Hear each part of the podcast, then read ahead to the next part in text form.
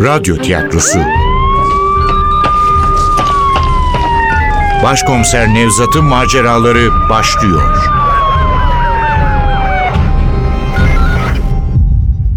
Kırlangıç Çığlığı 17. Bölüm Eser Ahmet Ümit Seslendirenler Başkomiser Nevzat Nuri Gökaşan Komiser Ali Umut Tabak Tazı Zekai Tarkan Koç Celile Hanım Parla Şenol Komiser Şefik Dündar Müftüoğlu Arda Erkan Taşdöğen Polis Memuru Alişan Özkan Efektör Cengiz Saral Ses Teknisyeni Cem Kora Yönetmen Cemile Yaltır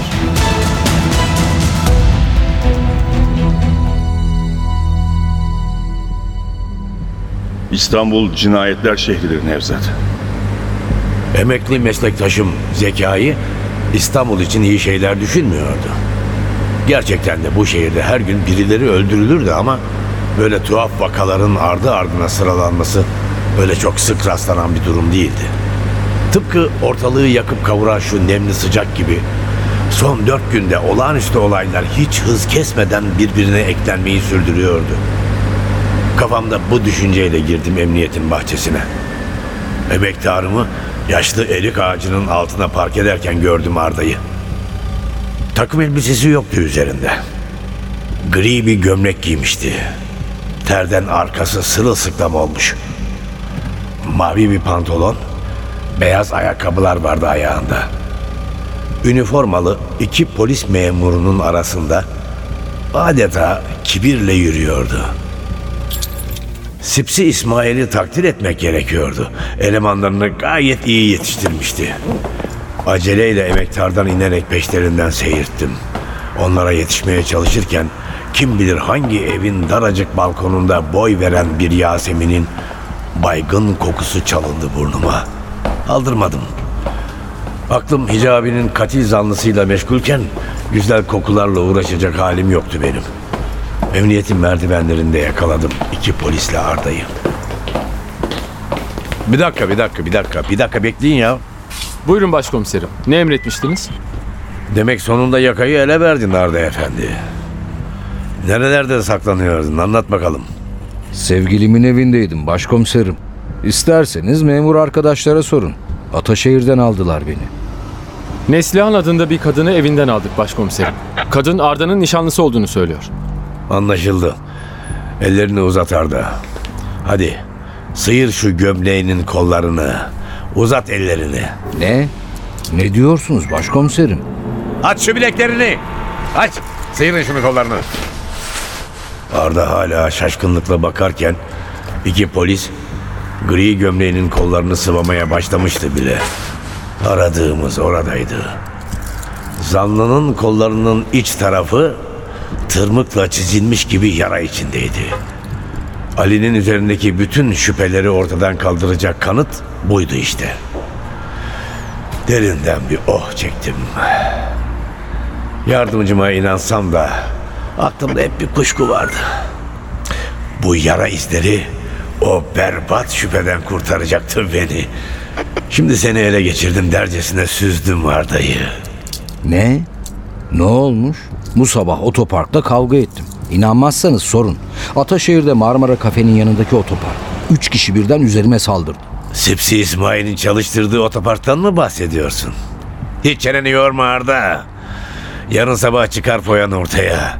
Artık DNA testi diye bir şey var biliyorsun. Senin deri artıkların öldürdüğün hicabinin tırnakları arasında.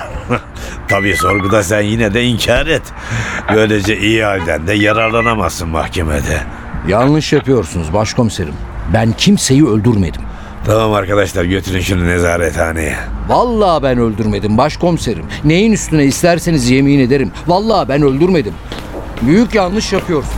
Annemin üzerine yemin ederim ki ben öldürmedim. Ben öldürmedim. Arda'ya aldırmadan basamakları tırmanmaya başladım. Binanın içi dışarıdan daha serindi. Biraz rahatladım.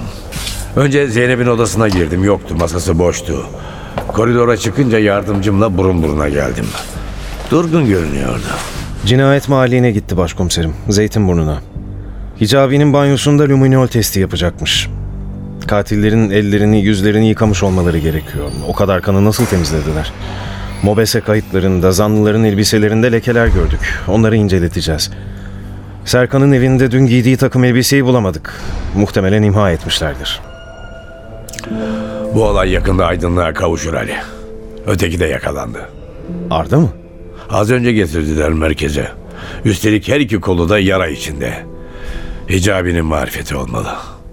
Yarın Zeynep söyler hakikati. Cinayet çözülüyor desenize. Ne oldu Ali? Neyin var senin? Yok, yok bir şey başkomiserim. Ben iyiyim. Ali ne yapıyorsun sen? Canın sıkkın belli ki. Anlat ne oldu? İki ayrı gazeteden aradılar. Hicabi'nin öldürülmesiyle alakam olup olmadığını sordular. Arayanlar kim? Adlarını aldın mı? Birinin adı Rafet, diğerininki Erol. Birileri onlara Hicabi'yi benim öldürmüş olabileceğimi fısıldamış. Biliyorsunuz tabii kim olduğunu. Kim olursa olsun biz kendimizden eminiz. Takma artık kafanı bunlara. Yarın tümüyle temize çıkacaksın işte.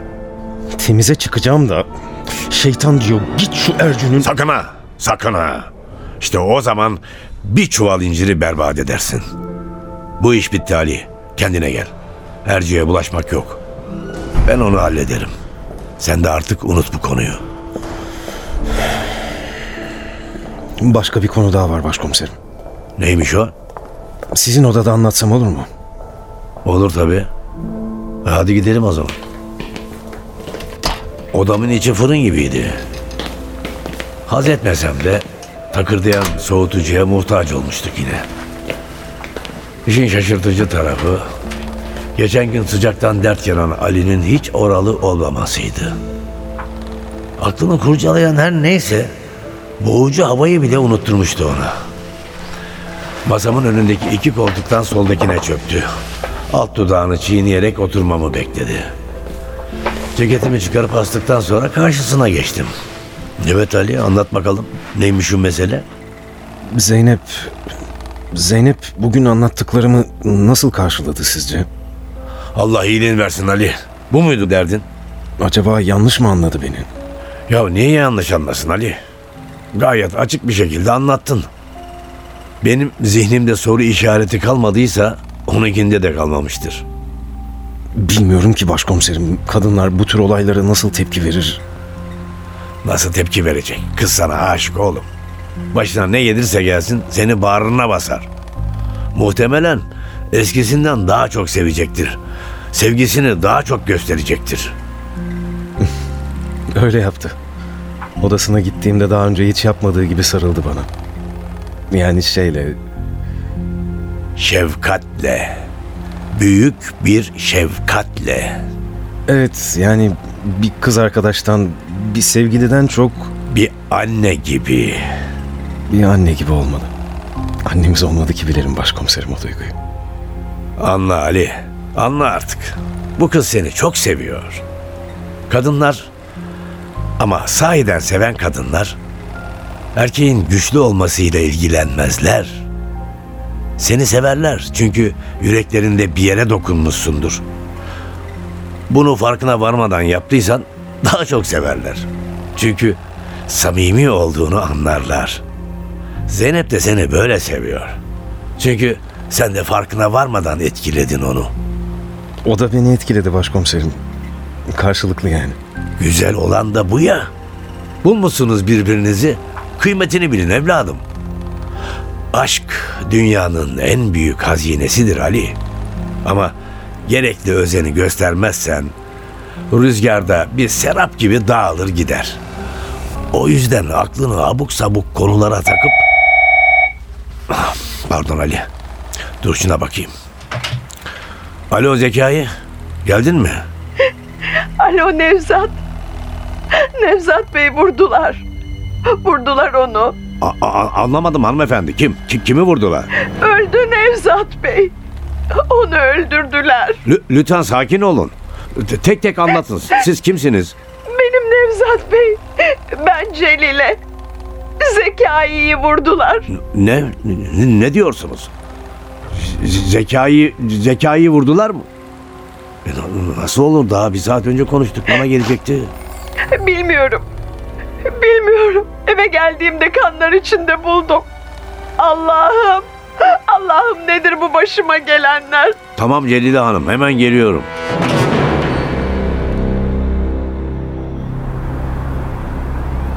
Mütevazı evinin bahçesinde sırt üstü yatıyordu Zekai'nin cansız bedeni. Ampullerin ışığında renkleri kırmızıya dönüşen pembe yaz güllerinin altına düşmüştü. Kurşun çenesinden girmişti. Kaybetmişti. Belki de mesleğinde çözemediği tek dava sonunda canına mal olmuştu. Anlamlı bir şekilde öldü diye teselli bulabilirdim. Gerçekten de son yıllarda hayatını adadığı bir dava yüzünden ölmüştü. Pes etmeden, mücadele ederek. Ama değer miydi? İşte bundan hiç emin değildim. Emin olduğum bir husus vardı ki, onun yerinde olsaydım ben de aynısını yapardım. Her iyi polis aynı yolu izlerdi. Bakışlarım Zekai'nin cansız bedenine kaydı. Eğer yaşıyor olsaydı eminim şöyle derdi. Ne yapıyorsun Nevzat? Duygusallığa kapılacak zaman mı şimdi? Ölen kişi arkadaşımız olabilir ama yapmamız gereken bir vazife var. Ben de kendimi toplayıp arkadaşımın cesedini incelemeye başladım. Zekai'nin patlayan kaşı, yüzündeki morluk, öteki kurbanların aksine körebeyle mücadele ettiğini gösteriyordu. Ne yazık ki başarılı olduğu söylenemezdi. Bundan çıkan sonuç körebenin güçlü biri olmasıydı. Çünkü zekayı oldukça kalıplı biri sayılırdı. Pek genç olmasa da öyle kuru gürültüye pabuç bırakacak adamlardan değildi. Katil onu kolaylıkla alt ettiyse gerçekten de kavga etmeyi çok iyi biliyor demekti. Zaten Zekai'nin ölüm nedeni de yüzüne aldığı sert darbeler değildi. Ali, etrafı bir araştıralım bakalım. Kurşunu bulabilecek miyiz? Anladım.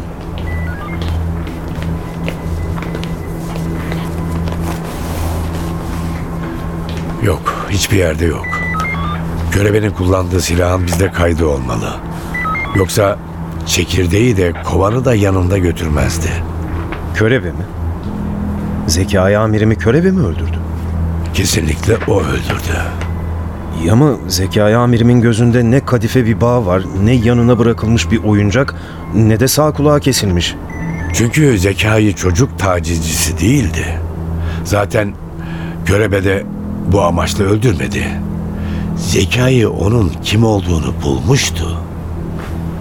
Seri katil bu defa kendini tatmin için değil, yakalanmamak için öldürdü.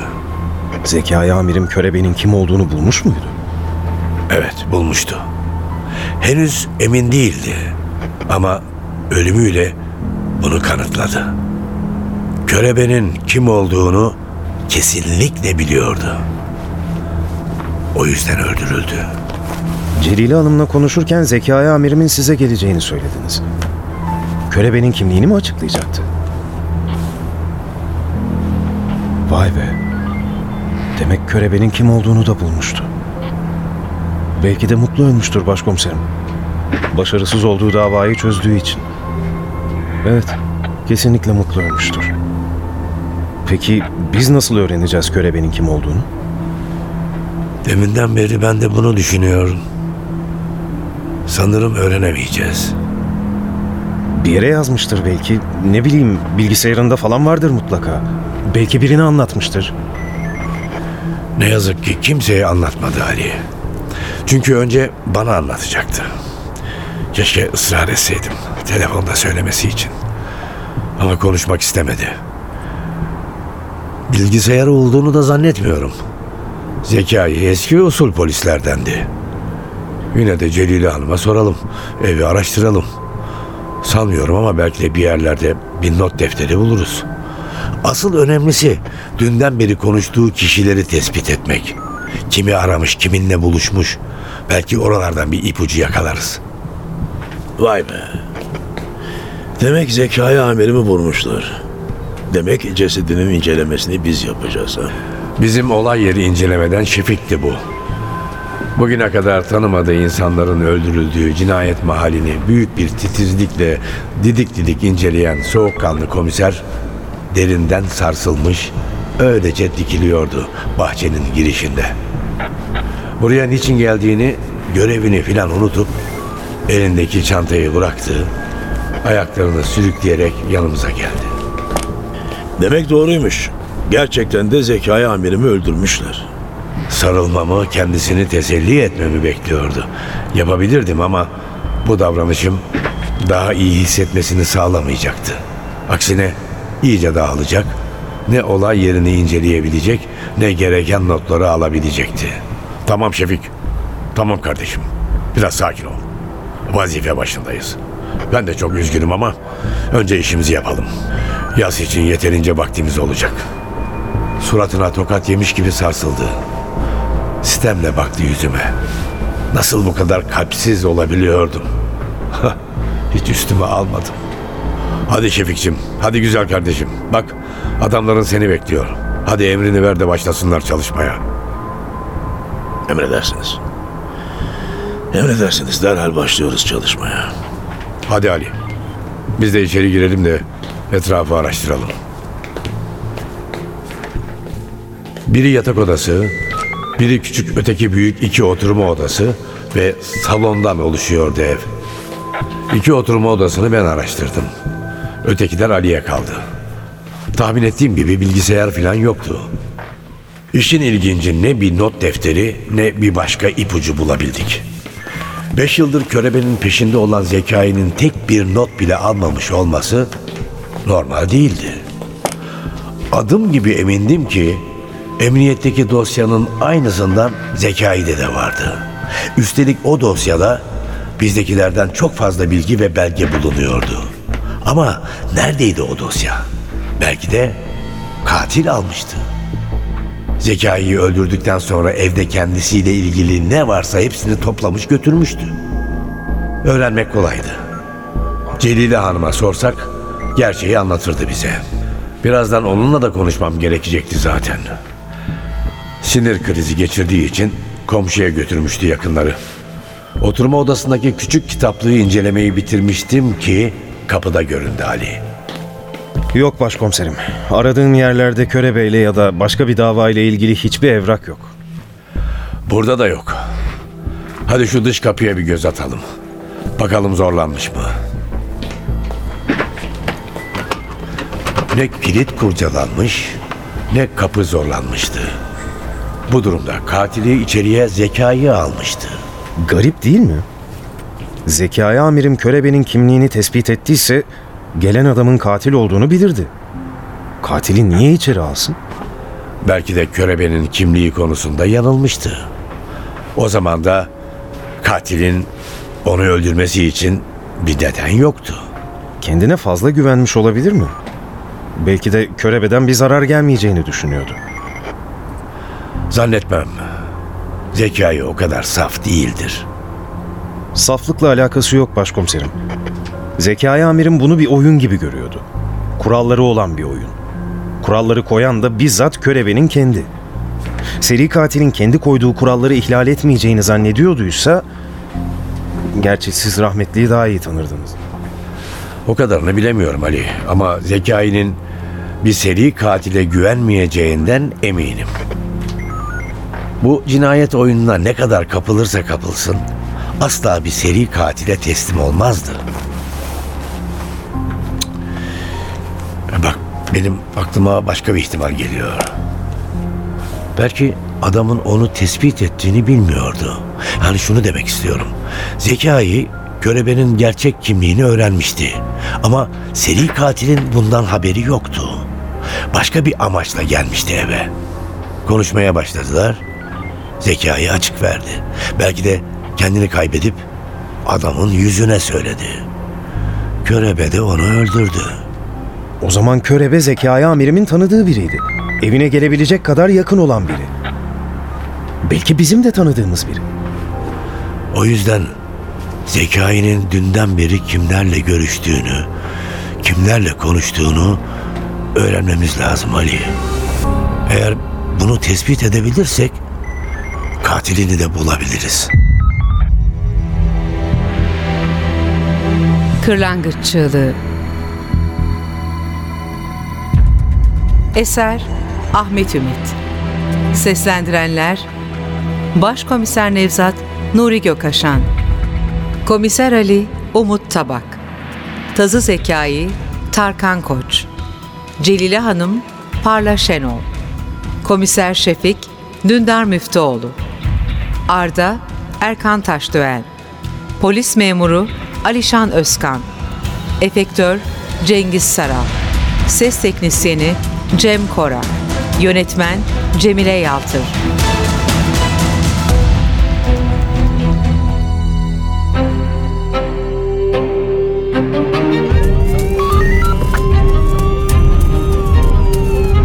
Radyo tiyatrosu. Başkomiser Nevzat'ın maceraları. Başkomiser Nevzat'ın maceraları her cumartesi 11.15'te NTV Radyo'da.